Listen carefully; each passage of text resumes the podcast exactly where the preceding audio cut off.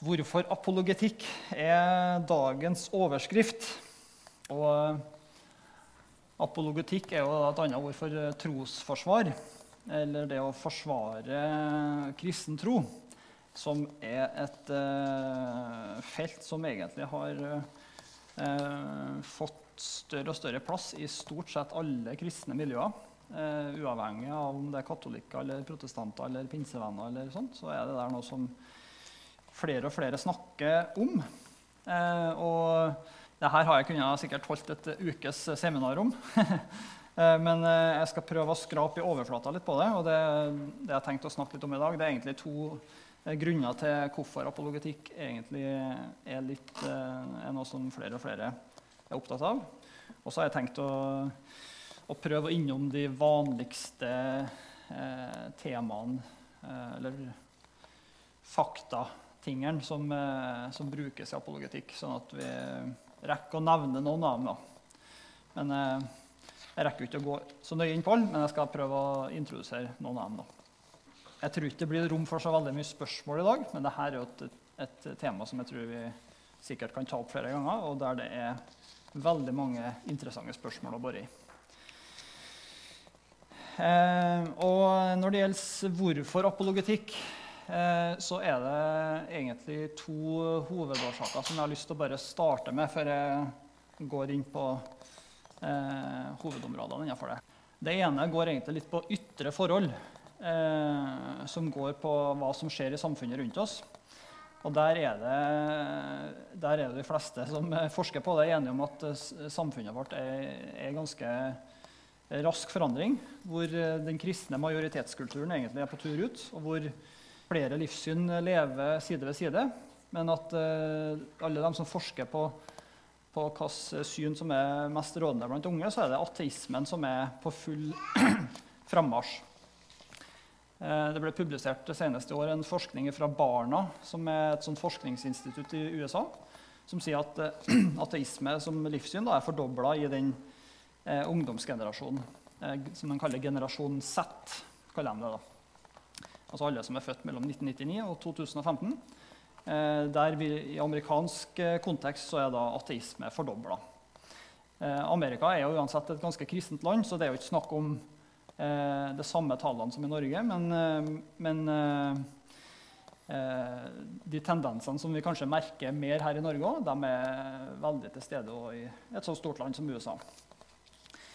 Når det gjelder Norge, så, så forskes det jo på ting der òg. Eh, og da, det er Norsk Monitor heter de som forsker på det i Norge. Og de sier jo at, at eh, for 15-20 år siden så var det veldig stor forskjell på dem som eh, trodde på Gud, og dem som ikke trodde på Gud. Nå har liksom de linjene kryssa hverandre, sånn at de som avviser Gud, og de som tror på Gud, er omtrent like stor. Og så er det en tvilerkvote som òg er ganske stor. Men sånn som i Norge, da, så er det jo da Blant eh, dem som mellom, er mellom 15 og 24 år sier 53% at de ikke tror på Gud. Mens en fjerdedel sier at de tror på Gud i da, den ungdomsgenerasjonen. Eh, jeg tror det er fra 1985 til 2015. Mens eh, blant eldre så er jo, er jo, statistikken motsatt, som dere eh, kanskje kan tenke dere til. At det er mange flere som sier at de tror på Gud. Så tendensen i Norge er jo at eh, at vi kommer til å ha en stor andel eh, folk som avviser gudstro. Og det er den konteksten vi er kalt til å leve i. Eh, og det må vi bare innse at det, det kommer vi til å antageligvis følge med oss. Hele livet vi kommer til å tjene Gud, så kommer vi til å ha det tett på kroppen. Og eh, det er jo noe av poenget med det jeg skal fram til litt i dag òg. Og det er klart, det her skaper jo en del enkelthistorier. Det skaper historien om mange unge som vokser opp i kristne miljøer, som som eh, får vanskeligheter med å tro på Gud når han møter det, eh, den filosofien som er på universitetet. Eh, og den eh, karikeringa av at som jeg vil si, da, en tendens at ateisme assosieres da med å være vitenskapsvennlig, intelligent, oppdatert, sjølstendig. Mens det å være religiøs det assosieres da gjerne i negativ forstand med at du er godtroende, utdatert, du er fiendtlig innstilt til vitenskap og vet rett og slett ikke så mye. Eh, som er gjerne de merkelappene som deles ut. Og det håper jeg å være litt innom i dag, at det er det egentlig ingen, ingen god grunn til. Eh, men eh, samtidig så er det mange historier om folk som går motsatt vei òg. Som, som, avviser ateismen eller nyateismen fordi at den rett og slett ikke holder mål når det går ordentlig inn i det. Et av de seneste vitnesbyrdene i Norge er jo han høyrepolitikeren som heter Stefan Heggelund, som dere ser bilde av helt til venstre der. Han, han er intervjua både i Vårt Land og, og, og, sier offentlig i flere fora at han har vært nyateist, men han har forkasta den og, og, gått over til en kristen tro og livsholdning. Eh, Mark Zuckerberg fra Facebook, han som grunnla Facebook, han har bekjent seg som ateist tidligere og sier at nå eh, kan, kan ikke tro på ateismen lenger. Eh, han har ikke bundet seg til noe spesiell eh, konfesjon. Eh, han er liksom positiv både til kristendom og jødedom og en del andre ting. Så han er jo ikke, han ikke over på den sida som vi ønsker han skal være på. Men, men vi må bare merke oss at en sånn som han òg eh, går ut og distanserer seg fra ateismen. Eh, C.S. Lewis er kjent for flere. Han har hatt den samme vandringa fra ateisme over til kristentro. tro. Lee Strawbell er også en annen en som eh, har det, har det vitnesbyrdet. Og hun dama som avbilda der, det er ei dame i Danmark som heter Charlotte Rørt, som, var, som er kjent der. Og hun var en veldig sånn, profilert journalist i Danmark som, var, som ikke var troende, men som som da har gitt ut en bok i Danmark som har vært ganske omtalt der, som heter 'Jeg møtte Jesus'. Der, hun, der det var et vendepunkt for henne i en sånn pilegrimsreise. Eh, og der hun fikk en åndelig opplevelse som, eh, som brakte henne på Jesus. Så det er, på en en, jo en flora her av mange historier. Eh, og eh, mange som eh, når de går ordentlig inn i materien, så finner de ut at ateismen ikke holder særlig mål. Særlig mål Så det er litt om de ytre forholdene. Og det andre, andre hovedårsaken til spørsmålet mitt innledningsvis, hvorfor apologetikk, det er jo egentlig det som eh, Bibelen sjøl sier, som eh, veier tungt for oss. Og det er jo at Bibelen sjøl oppmuntrer jo oss til å forsvare og begrunne vår egen tro. I 1. Peters brev, kapittel 3, vers 15, så står det 'Vær alltid, alltid klare' til forsvar når noen krever dere til regnskap for det håp dere eier. Men gjør det ydmykt og med Guds frykt, så dere kan ha en god samvittighet. Så eh, Bibelen eh, oppmuntrer oss til å gjøre det. og som, eh, Hvis du går inn i både evangeliene og brevene, så ser du at eh, både Paulus og Peter og Jesus sjøl var apologeter. De eh, kunne eh, forsvare det de trodde på, og begrunne det på en måte som, som, eh, som er ganske interessant når du går det ordentlig sømmene. Jeg har ikke tenkt å gå inn på det, men, eh, men, for dem som har lyst til å studere det, så har Stefan Gustavsson skrevet en bok som heter 'Trenger troen forsvares', der han gjennomgår alle, mange av Jesus sine taler, av Peter sine taler og, og Paulus sine taler, og viser hvordan eh, de er på en måte veldig intelligent og fornuftig oppbygd. Fordi at de, eh, de går inn på Sånn som Jesus da, eh, han går jo da inn på det som eh, eh fariseerne står for å hevde. Og så går han inn og, og eh, avdekker svakheten eller inkonsekvensen da, i det de eh, sier. Eh, F.eks. når eh, en sånn seanse hvor, hvor Jesus da helbreder en mann på sabbaten.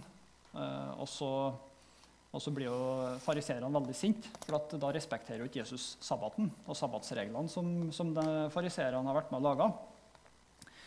Der Jesus da i stedet for å havne i en sånn eh, ord mot ord-diskusjon, så, så, så, bruker han et annet eksempel. Hvis noen opplever at oksen havner i brønnen, vil ikke noen da dra den opp. På den måten så avslører en egentlig inkonsekvensen i deres egen tenking. Sånn som en eh, apologetikk på mange måter handler om. Eh, apologetikk, eller trosforsvar, da, er på mange måter en type eh, evangelisering. For det handler om å, om å rydde vekk motforestillingene mot det å tro, tro, på Gud. Og det å gi mennesker gode grunner til å tro. Sånn at eh, En del kaller apologetikk for eh, overbevisende evangelisering. Jeg tror at eh, eh, sånn som tida er nå, så tror jeg apologetikk er, er For det første så har det nok vært et eh, område som har vært forsømt en del år eh, innenfor kristenheten, men jeg tror det er veldig nødvendig. Eh, nettopp pga. Eh, av, at, eh, av sånn som tida er. Og eh, så mye av min motivasjon for å gå inn på apologetikk handler jo mye om å, om å forberede neste generasjon, forberede ungene på å ha gode svar på de tingene som regner med at de kommer til å få eh, bli utfordra på. Jeg husker Vi møtte jo litt allerede når eh, vår eldste sønn var, var i barnehagen. Hvor han eh, hadde en seanse der han, eh, han skulle stille et, en, en annen i barnehagen et, et sånn eh, lurt spørsmål. Han stilte 'Hvem er den sterkeste i hele verden?' sa han, og så smilte han litt lurt, da, for nå tenkte han at nå skal han nå, skal han, eh, nå vet han hva svaret er. Og han andre ungen da, han bare 'Nei, kanskje okse. Kanskje elefant. Kanskje ja, løve er det.' Og så sier da Gabriel nei, det er Gud. Hvorpå da han andre bare Gud? Han finnes jo ikke! Og, eh, og Gabriel da blir jo, blir jo veldig over, overraska over å få høre få den rett i fleisen. Eh, og det der ble jo en, eh, Han ga seg ikke. Han, han ville stå for det som er sant. Så, så det, ble en, eh, det ble jo en liten disputt der som de ansatte i barnehagen da, måtte gå inn og avklare og lære begge ungene både med toleranse og respekt for hverandres tro.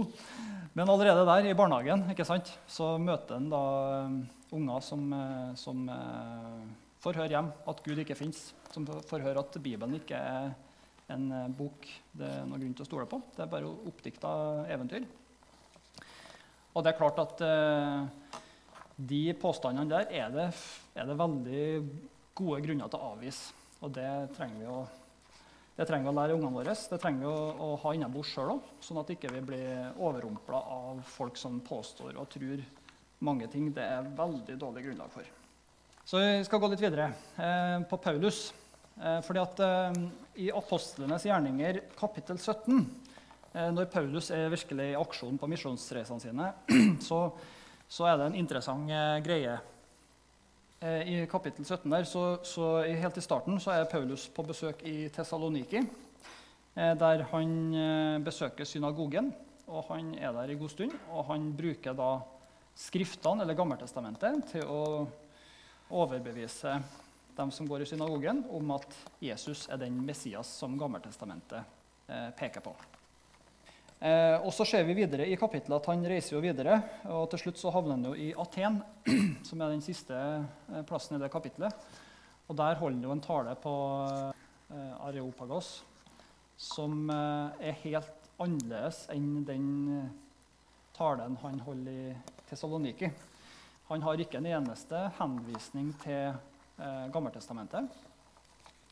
Han eh, trekker inn eh, så vidt jeg husker, så trekker han vel inn sitatene av greske eh, diktere. Men allikevel så, så, så, peker han jo på Guds eksistens og, og oppstandelsen eh, når han snakker i Aten. Men eh, hovedpoenget mitt er at han bruker en helt annen argumentasjon enn han gjør i synagogen. Og det handler jo om, å ta inn over seg hva slags bakgrunnskunnskap eh, de som hører på, har. Det er, det vi, det er veldig viktig for oss. Eh, fordi at eh, Når vi er i synagogen, eller når vi jeg har tatt et bilde av bedehuset, når vi snakker i vår sammenheng, så er det, det er fornuftig og naturlig å utlegge Guds ord sånn som vi gjør, fordi at vi tror på Bibelen. Vi regner med at alle som kommer hit, har et positivt syn på Bibelen. Og, og vi tror at alle som kommer hit og hører på, tror på Gud, tror på Jesus. I hvert fall er veldig åpen for den tanken. Som gjør at når vi forkynner her, så kan vi vi legge ut Guds ord med stor frimodighet og tro at det skaper noen ting. Mens hvis vi er på NTNU, eh, som det står der, da, så må vi anta at en del har en del annen bagasje. Vi må anta at, eh, at de eh, er mer kritiske til det som står i Bibelen, er mer kritiske til om helt at Gud finnes. Og da må, er det den bakgrunnskunnskapen som vi må tilpasse måten vi kommuniserer på. Og jeg har i hvert fall tenkt for min del at uh, jeg tror, uh, altså, jeg tror, Gud kaller oss virkelig til å, til å satse og, og, være i stand til å kommunisere til dem på NTNU òg. Gud har mer for oss enn at vi skal være i stand til å snakke på bedehuset eller på møtene, eller uh, der Guds ord allerede er trodd på, men at uh, Gud, Gud, har kalt oss til en av de mest uh, sekulære byene i Norge. Og da trenger vi å være i stand til å snakke til alle slags typer folk som er i denne byen her. Grekerne. Jødene og grekerne. Og Det handler jo litt om det, som, det verset som var på forrige side òg. Det må være jøde for jøde og greker for greker. For jøder har jeg vært som en jøde for å vinne jøder. Eh, for dem som ikke har noen lov, lever jeg som om jeg var uten lov for å vinne dem, ennå jeg ikke er uten lov for Gud, men er bundet av Kristi lov. For alle er jeg blitt alt, for på alle mulige måter å frelse noen. Amen. Så det er det vi skal prøve på. Jeg har da egentlig lyst til å begynne på noe som egentlig er et svært område, men som eh, vi må skrape litt i overflata på det i dag, tror jeg. Eh, og det er egentlig hva slags uh, hovedområder er det apologetikken handler om? Og hva slags argumenter er det, vanlig, er det vanligste å trekke fram når en, når en snakker til folk som da ikke verken er sikre på Gud eller Bibelen. Hva, hva slags ting er det eh, vi peker på? Og det interessante her, eh, som er en sånn stor myte, da, det er jo at tro og vitenskap står i motsetning til hverandre. Det er, det, det er den fortellinga som brukes veldig ofte for å holde kristen tro på avstand eh, i vår kultur. Eh, og som på mange måter er en, eh, er en veldig seigliva myte. I hvert fall Noe av det som har vært interessant i min vandring de siste årene, det er å se hvor dårlig belegg det er for den påstanden. Han, eh, Børge Bentsen, Når han underviser om uh, trosforsvar på bibelskolen, så sier han at vitenskapen er, er kristendommens beste venn. Sin, og at fakta er på vår side. Det er ganske sterke påstander. I hvert fall når du tar, tar inn det som de andre sier rundt oss. Uh, men uh, men jeg mener at det er godt belegg for å, for å si det, faktisk. Eh, og at eh, mye av konflikten handler jo ikke om eh, det som naturvitenskapen eh, objektivt sett påvise, men det handler mye om hvordan eh, filosofi du plasserer den innenfor. Uh, er vi på abstrakt her, men eh, jeg skal prøve å være litt konkret da, på, på akkurat det. Men la oss ta det ene området først. da. Det ene hovedområdet da, som apologetikken handler om, det er egentlig det å, å, som går på Guds eksistens. Der vi på bedehuset med stor frimodighet vi trenger ikke å overbevise noen om det, fordi vi forutsetter at det tror vi på. Eh, og Bibelen bruker heller ingen plass på å argumentere for Guds eksistens. Den forutsettes. Og det er det god grunn for. Og det interessante er at vitenskapen også på mange måter har, eh, går med på det. Eh, det er jo en eh, filosof som heter Alving Plantinga, som, som er ganske kjent apologet. Han er en av de pionerene i det 19. århundre. Han, han, argumenterer jo filosofisk for at du trenger ikke å begrunne at Gud fins. Og han har da fått, fått, flere sånne ateister til å faktisk gå med på og si ja, ok, jeg går med på det. Du begrunner det så godt at det er greit. Jeg skal komme litt tilbake til det, men nå begynner nerden å våkne her. ute. ja, men eh, eh, Guds eksistens den, eh, Hvis du da på en måte holder Bibelen litt ut av, eh, av tankerekka et øyeblikk, da, og, på en måte ikke bruker den som argument, så vil det likevel være veldig mange eh, gode grunner til å argumentere for Guds eksistens i møte med folk som ikke tror på Gud. Og det å bruke vitenskapen. Og Da er det hovedsakelig en del sånn disipliner som eh, filosofi, eh, logikk, eh, matematikk, fysikk, kosmologi, biologi osv. er på mange måter med og gir gode holdepunkter for å argumentere for Guds eksistens. Da er det rett og slett sånn at en Gud er på en måte når en diskuterer tingene her, så er det sånn at Gud er en mulig forklaring på en del ting som du finner i vitenskapen. Og så er det at Gud, hvis Gud ikke fins, så må du på en måte lage en forklaring på det òg. Altså hvis, hvis, Gud ikke fins, så må du allikevel kunne begrunne hvordan ting henger sammen. Og det der eh, tror jeg ofte er noe av problemet for oss som kristne. At vi, vi, er, vi, er, litt for dårlige til å utfordre dem som ikke tror på Gud, til å si OK, hva tror du på? Hvor, hvor begrunner du det du tror fra, på? Hvor henter du det fra? Fordi at eh, med en gang en, en, ber folk om å begrunne hva de tror på, så er det ofte veldig, veldig ofte at, at, en, eh, at en vil høre ting som egentlig ikke henger sammen, eller som er svakt begrunna. Eh, men, men, ofte så det, Vi er på en måte ikke drilla i å holde på med de tingene der. Sant? Er det ikke? Men innenfor, når en argumenterer det her, så vil, så vil da jeg fra Kristor og flere andre sånne apologeter vil jo si at Gud er på en måte den beste forklaringa på en god del ting. Kontra hvis Gud ikke fins. Et eksempel på det, det er hvordan universet har blitt til. Der har jo kristne helt siden tidenes morgen trodd at Gud har skapt universet. ikke sant? Eh, der, har, eh, der, har, jo de som ikke tror på Bibelen, der har de vakla litt. De har eh, egentlig trodd at universet alltid har vært der. Helt fram til ca. rundt 1920-tallet, hvor da en, en, katolsk prest og fysiker da, fra Frankrike han eh, kom fram til at universet må ha hatt en begynnelse. Big bang. Det har jeg hørt om. Big bang. Og da, har, måte, da endevender han vitenskapen, for at Big Bang er en stor oppdagelse. Altså, folk snakker om det, og folk snakker om det som om at det motbeviser Gud. Men egentlig så er det med på å forsterke trua på Gud.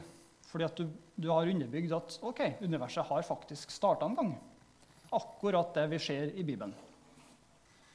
Og da, når han spinner videre på her, så vil han jo si at ok, alt som er i universet, det har jo en årsak. Det er jo ikke sånn at ingenting skjer av seg sjøl. Det, det, er jo noe du lærer innenfor fysikken. ikke sant?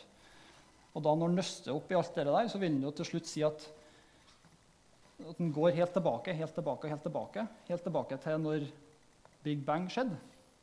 Så blir jo spørsmålet hva utløste Big Bang? Og da, da er vi på en måte over på noe vitenskapen ikke kan si, men da er vi egentlig litt over på filosofien. da. Og der vil da eksistensen av Gud er da, etter mitt skjønn, at det er mange skjønn, den beste mulige forklaringa kontra at Ja, hva er alternativet? Hva er alternativet? Det må jo være en forklaring på det. Og der er da egentlig ateismen, eller naturalismen, da, som den i filosofien heter, den er egentlig på ganske tynn is, for den, den, har egentlig ikke noe veldig godt svar å komme opp med. Romvesen, kanskje? Multivers? Det er noen som snakker om at universet er bare ett av mange universer. Men eh, universet er Universets tilblivelse, det, der er på en måte det at det står en intelligens, en, noen som står utenfor universet og, og, skaper det, og setter det i gang, det er på mange måter en, en veldig god forklaring. Og definitivt bedre forklaring enn en del andre. Ja. Heavy stoff. Jeg skal ikke ta like mye på alle, men, men en annen argument det er at jorda er fininnstilt for liv. Og det er altså utrolig interessant. Det er noe som, eh, det er noe som en del innenfor forskjellige disipliner har funnet ut. Altså at, at det at jorda i hele tatt er beboelig, at vi kan bo her, det er egentlig to forklaringer på. Enten så er det griseflaks gange trillioner, millioner, drillioner. Eller så er det at det er noen som har planlagt og designa det sånn. Fordi at eh, De som forsker på, på, eh, på, det her, sier jo at det er eh, Det nevnes litt ulike faktorer, men et eksempel er at det er 25 faktorer som gjør at jorda er beboelig, som er så Det er liksom så eh, små marginer det er snakk om. Det handler om hvor fort jorda akselererer rundt sin egen akse. Det handler om eh, hastigheten på Big Bang. Det handler om så mange ting da, innenfor eh, naturlovene. Eh, og hvis alt det der bare har skjedd ved tilfeldighet, altså at, eh, så er det altså det er så utrolig flaks at det er, det er Ja. Du skal ha veldig sterk tro da, for å være ateist. Så han, eh, Frank Ture kan si 'I don't have enough faith to be an atheist'. Han. På mange måter, for det, er så lite sannsynlig at jorda helt tilfeldig skal være beboelig når du ser da på de faktaene her. Jeg kunne sagt mye om det her, men uh, jeg skal ta ett av de tingene til. Da, Det går på informasjonsmengde i universet, som f.eks. Charles Darwin ikke visste om heller. Men som går på det og, så mye forskning de siste 100 årene, 100 året har uh, funnet, som bl.a. går på oppdagelsen av DNA. Som går på hvor mye matematikk som er innvevd i, i skaperverket. Og, som, og, den informasjonsmengden som egentlig da, ligger i alle levende organismer, helt fra bitte små frø eh, bitte små embryoer som vokser til å bli voksne mennesker. Eh, dyreriket. Eh, alle levende skapninger eh, vokser jo og blir det de blir, ut fra den koden da, som ligger i DNA-et, eller som ligger i, i genene. Og det gjør at, så, sånn som i flere innenfor fysikken, da, de sier at verden den er ikke primært oppbygd av stoff og materie, men den er egentlig oppbygd av informasjon med stoff og materie som bieffekter. Jeg vet ikke om dere henger med på dette, men det, det, er, det er i hvert fall ganske sånn uh, mind-blowing greier. da. Fordi at uh, det, Du får liksom et litt nytt lys over det første verset i Johannes evangeliet, om at i begynnelsen var Ordet, eller Logos. Ordet var hos Gud, og ordet var Gud. Det er jo et sånt vers som du kanskje leser litt fort gjennom når du leser i den daglige Bibelen, men, men, når du da tenker på all den informasjonen som ligger i universet, så skjønner du at uh, oi, Gud han er litt større enn uh, jeg klarer å skjønne. Og hvordan, det, og, hvordan har det oppstått? Nei, det har utvikla seg av seg sjøl. Ingen designer, ingen som har tenkt det her. Det har bare oppstått av seg sjøl. Eller det er noen som har designa det. Det er noen som står bak det. Som er da de to mulige forklaringene på det. Sånn kunne jeg gått gjennom flere ting. Objektiv moral, eh, menneskets verdi og frie vilje, skjønnhet, estetikk, musikk. ikke sant? Gud eh, Det er så mange, og det er lista lenger egentlig, av, eh, av mulige argumenter for Guds eksistens. Men alt det er jo egentlig Det er jo ikke fra Bibelen noe, noe av det her, egentlig. Det, alt handler jo egentlig om ting som vitenskapen sysler med.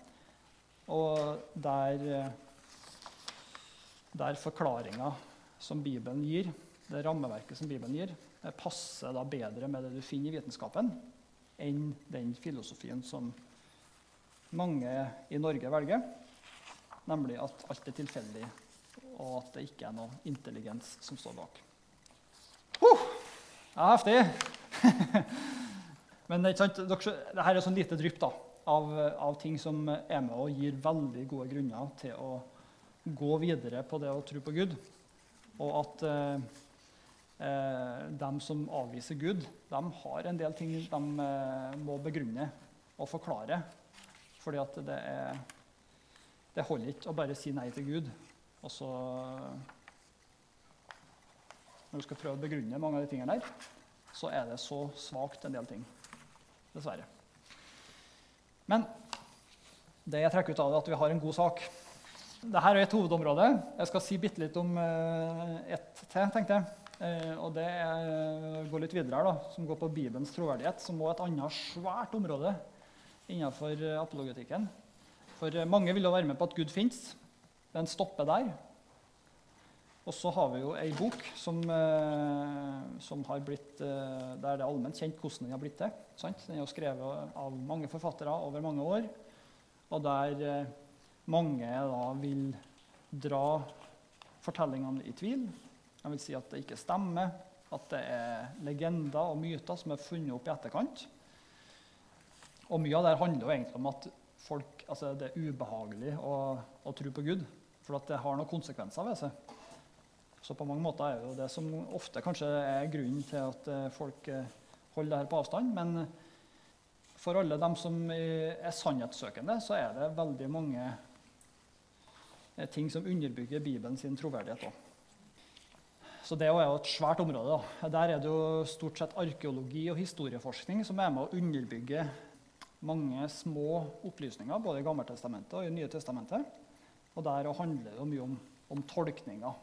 Eh, altså Innenfor vitenskapen så må vi jo tolke eh, funnene og plassere dem i en tolkningstradisjon.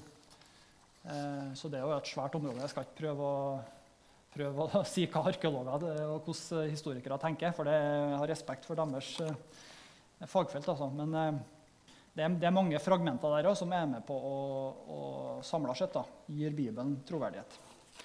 Eh, så jeg har notert noen punkter der. som dere ser. Eh, Beretninga om en storflom, som handler om eh, Noas ark og den flommen som er beskrevet i første Mosebok.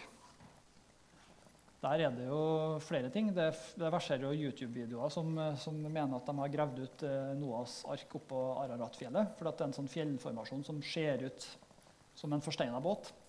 Der vil jo de fleste arkeologer og historikere si at det, det er ikke grunnlag for å tro. Igjen. Men det er, en, eh, det, er en, det er jo en, teori som passer godt med det Bibelen sier. Men, eh, men eh, jeg har i hvert fall den tankegangen at så lenge, så lenge de som er eksperter på det, avviser det, så er ikke det vi trenger å lene oss på. Men det er mange andre ting da, i forhold til Noas ark som er interessant. Det ene er jo at flere sånne sivilisasjoner nevner en storflom. Babylon, blant annet. Den babylonske kulturen nevner en storflom i noe som heter Gilgamesh-epose fra 2000 år før Kristus. Eh, Bibelen nevner det, og du finner det flere plasser. Og en av eh, de eh, største ekspertene på Gammeltestamentet, som heter Kenneth Kitchen, han er egyptolog, han sier at det mest sannsynlige er jo at dette stammer fra noe historisk som har skjedd. At det er grunnen til at flere sivilisasjoner nevner det. Det er fordi at det har skjedd. og faktisk så har en del geologer forska på ut her. Og, og fordi at de eh, Ja, det er mye rundt der, da, men, men eh, de forsker på om det har skjedd en sånn stor flodbølge fra Svartehavet eh, gjennom Bosporos-stredet, der Istanbul ligger. som da, om det kan være opphavelsen til den flomhistorien. da. Så Der er ikke de ferdigforska, for det er ganske sånn nytt. Men, men, det er jo interessant da, å se at det sammenfaller med, med historien om en flom. Så det trenger ikke å være så dumt. Kort fortalt. De er litt inne på sporet. Eh, det var flere mm, arkeologiske funn som bekrefter at eh, Israel og Egypt hadde en del med hverandre å gjøre. De mest kritiske vil jo si at de har ikke hatt kontakt. Alt som står i Bibelen, er tull. Men så kommer vitenskapen oss til hjelp allikevel. Og så er det masse ting. Og der eh, oppdages det flere og flere ting òg. For dem som er interessert i sånn, så finnes det en Netflix-video som heter 'Patterns of Evidence'. Som er en 1 12 times dokumentarfilm som eh, der en egyptolog som heter David Roll, har en interessant teori. Der han på en måte forskyver Israels utvandring eh, fra Egypt et par hundre år i forhold til det som er vanlig innenfor tolkningstradisjonen i, i egyptologien. Og da passer det veldig godt med mange funn de har bl.a. funnet da, noe som eh, ligner veldig på Josef sin grav. Det stemmer godt med funnene av at Jerikomurene ramla utover. Og det er flere, er flere, ting der. da. De finner at det er folk fra eh, Kanaan som har eh, bodd i Gosen. og ja, Veldig mange sånne interessante ting. Så det kan være verdt å vise ungene når de begynner å bli store nok for det. David han er dokumentert uh, gjennom arkeologi at uh, i 1993 fant de en inskripsjon der det sto kongen, kong David. Før det så var det mange som bare flira av og trodde at han var en legende. At det er en oppdikta sagnfigur. Så har de funnet inskripsjonen i, i Israel. da. Og Sammen med Jesaja. Det var publisert i forrige uke i National Geographic. Så det er litt sånn ferskt. Så det er artig, da. Eh, og, og, greia, og Dødehavsrullene ble jo funnet og, og, var jo med å avlive en del myter om at, eh, om at Gammeltestamentet har blitt eh, eh endra i etterkant. Eh, før de fant Dødehavsrullene, så var den eldste avskrivinga av Gammeltestamentet fra, datert fra ca. Eh, 900 etter Kristus.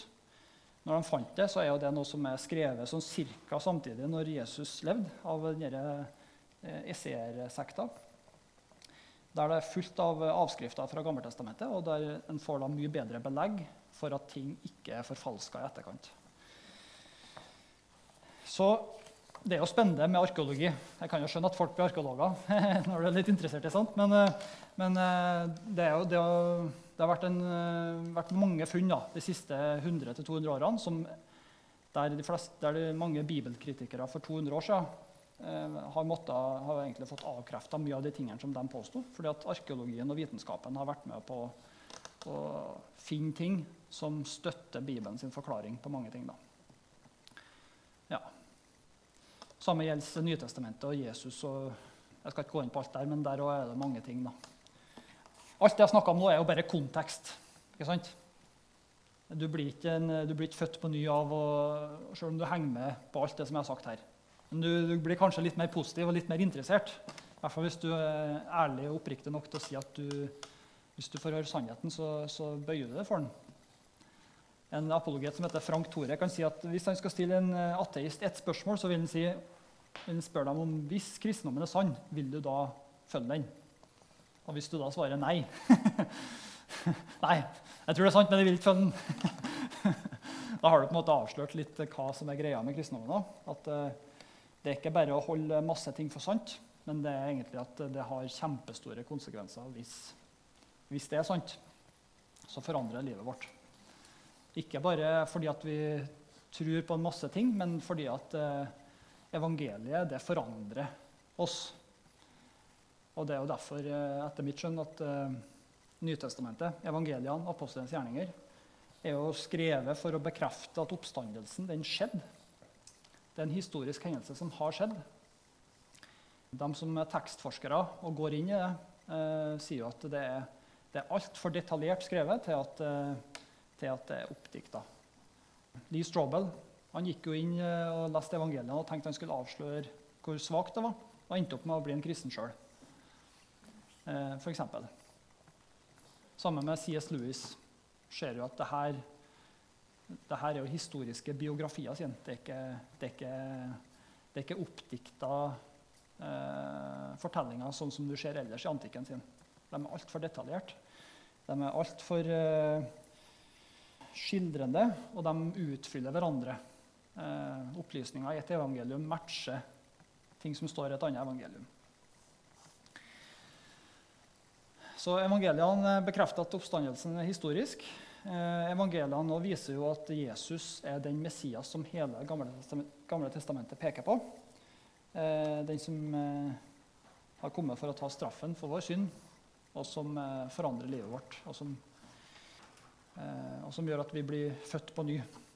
Sånn at I alle de tingene her så, så handler det jo ikke om å måte, argumentere folk eh, i hjel, men det handler jo om å, om å, bare legge fram fakta på en sånn måte at eh, Den hellige ånd kan overbevise mennesker om at evangeliet det er sant, det er troverdig. Det er, det er ubehagelig for at du må forandre livet ditt, men det er, eh, det er sant. Og det, etter mitt skjønn så er jo det hele forklaringa for hvorfor Afbastan var villig til å risikere livet sitt for å fortelle at Jesus er Messias. Det er hele forklaringa for hvorfor kristne i dag risikerer livet over hele verden. Det er jo ikke fordi at vi har noe mye fordeler ved det, eller noe mye benefits, eller at vi blir populære, eller noe sånt. men det er jo fordi at vi tror at det er sant. Og det er den ene grunnen som gjør at det er verdt innsatsen. Jeg syns det er artig å snakke om denne karen her. da. Jeg er ikke sikkert dere har hørt om han, men han heter Anthony Flew. Den siste funfacten i dag han er en av ateistledestjernene i det 19. århundre. Han er på linje med Richard Dawkins og Christopher Hitchens og alle de karene der. Bare at han er litt mer seriøs. Han var jo faktisk filosof, så han eh, hadde jo egentlig peiling på det han snakka om. I motsetning til de andre som var amatørforskere. Eller de var ikke religionsvitere, da. Men eh, Anthony Flew, da, historien om han er ganske interessant, for han var jo en av de banebrytende ateistene som eh, var plogspissen i at ateismen skulle bli ganske alminneliggjort. Hans bidrag var bl.a. at ateismen Ateisme er egentlig eh, Skal vi se Ateisme er det mest naturlige, og at bevisbyrden for gudstro ligger hos de religiøse. Den, eh, den, tanken der var det han som kjempa fram. eh, i sin tid, sånn midtveis på 1900-tallet. Og han har på mange måter vært med og skapt det samfunnet vi har i dag. Og så er jo han oppdatert nok til å følge med på mange av de tingene som jeg har snakka om i dag. Og en hel del andre ting. Han jo mer, har gått mye mer inn på dette enn jeg og alt sånt. Så han eh, var jo da en av dem som da gikk bort fra ateismen og sier at the most impressive arguments for God's existence are those that are supported by recent scientific discoveries. Sin. Eh, og the argument to intelligent design is enormously stronger than it was when I first met it. Så han så på faktagrunnlaget og sier at jeg kan ikke være ateist lenger. Det går ikke an. Det er så mange ting innenfor vitenskapen som peker i motsatt retning. Og det der ble ramaskrik da. innenfor ateistmiljøet. Han, eh, han, er fjerna fra alle oversikter over store ateister. Naturlig nok. det var ikke noe for dem er det ikke noe god sak at uh, ledestjerna deres går bort fra, fra, det de var sammen om. Så, men, uh, og han fikk jo så mye kjeft fra uh, ateisten eh, etterpå. så Og han han starta vandringa, og det er ganske sent i livet. Han er jo død nå. han snakka masse med apologeter Eh, de siste årene før han levde. Så hvor han havna han i forhold til tro, det er det egentlig ingen som vet offentlig. i hvert fall. For han, eh, han har kjent nok på ubehaget ved å bekjenne Jesus og hva det medfører. Men, eh, men det er interessant at en som da har satt seg mer inn i det her enn de fleste av oss, ender opp med å si at sorry, jeg klarer ikke å tro på ateismen lenger. Den er for dårlig begrunna. Ja, det her var en sånn Det var en introduksjon. Antakeligvis var det nesten overlovd. Jeg vet ikke. Men eh, poenget mitt, da, som jeg prøver å få fram i dag, det er jo at, eh, er jo at eh, vi har veldig gode holdepunkter for å tro på det vi tror på. Vi har ingen grunn til å skjemmes. og jeg tror det er veldig viktig at, eh, at både ungene og, og vi sjøl eh, har et visst sånn peiling på de tingene der, sånn at vi ja, ikke blir vippa av pinnen av folk som sier og påstår en del ting. Fakta er på, er på vår side.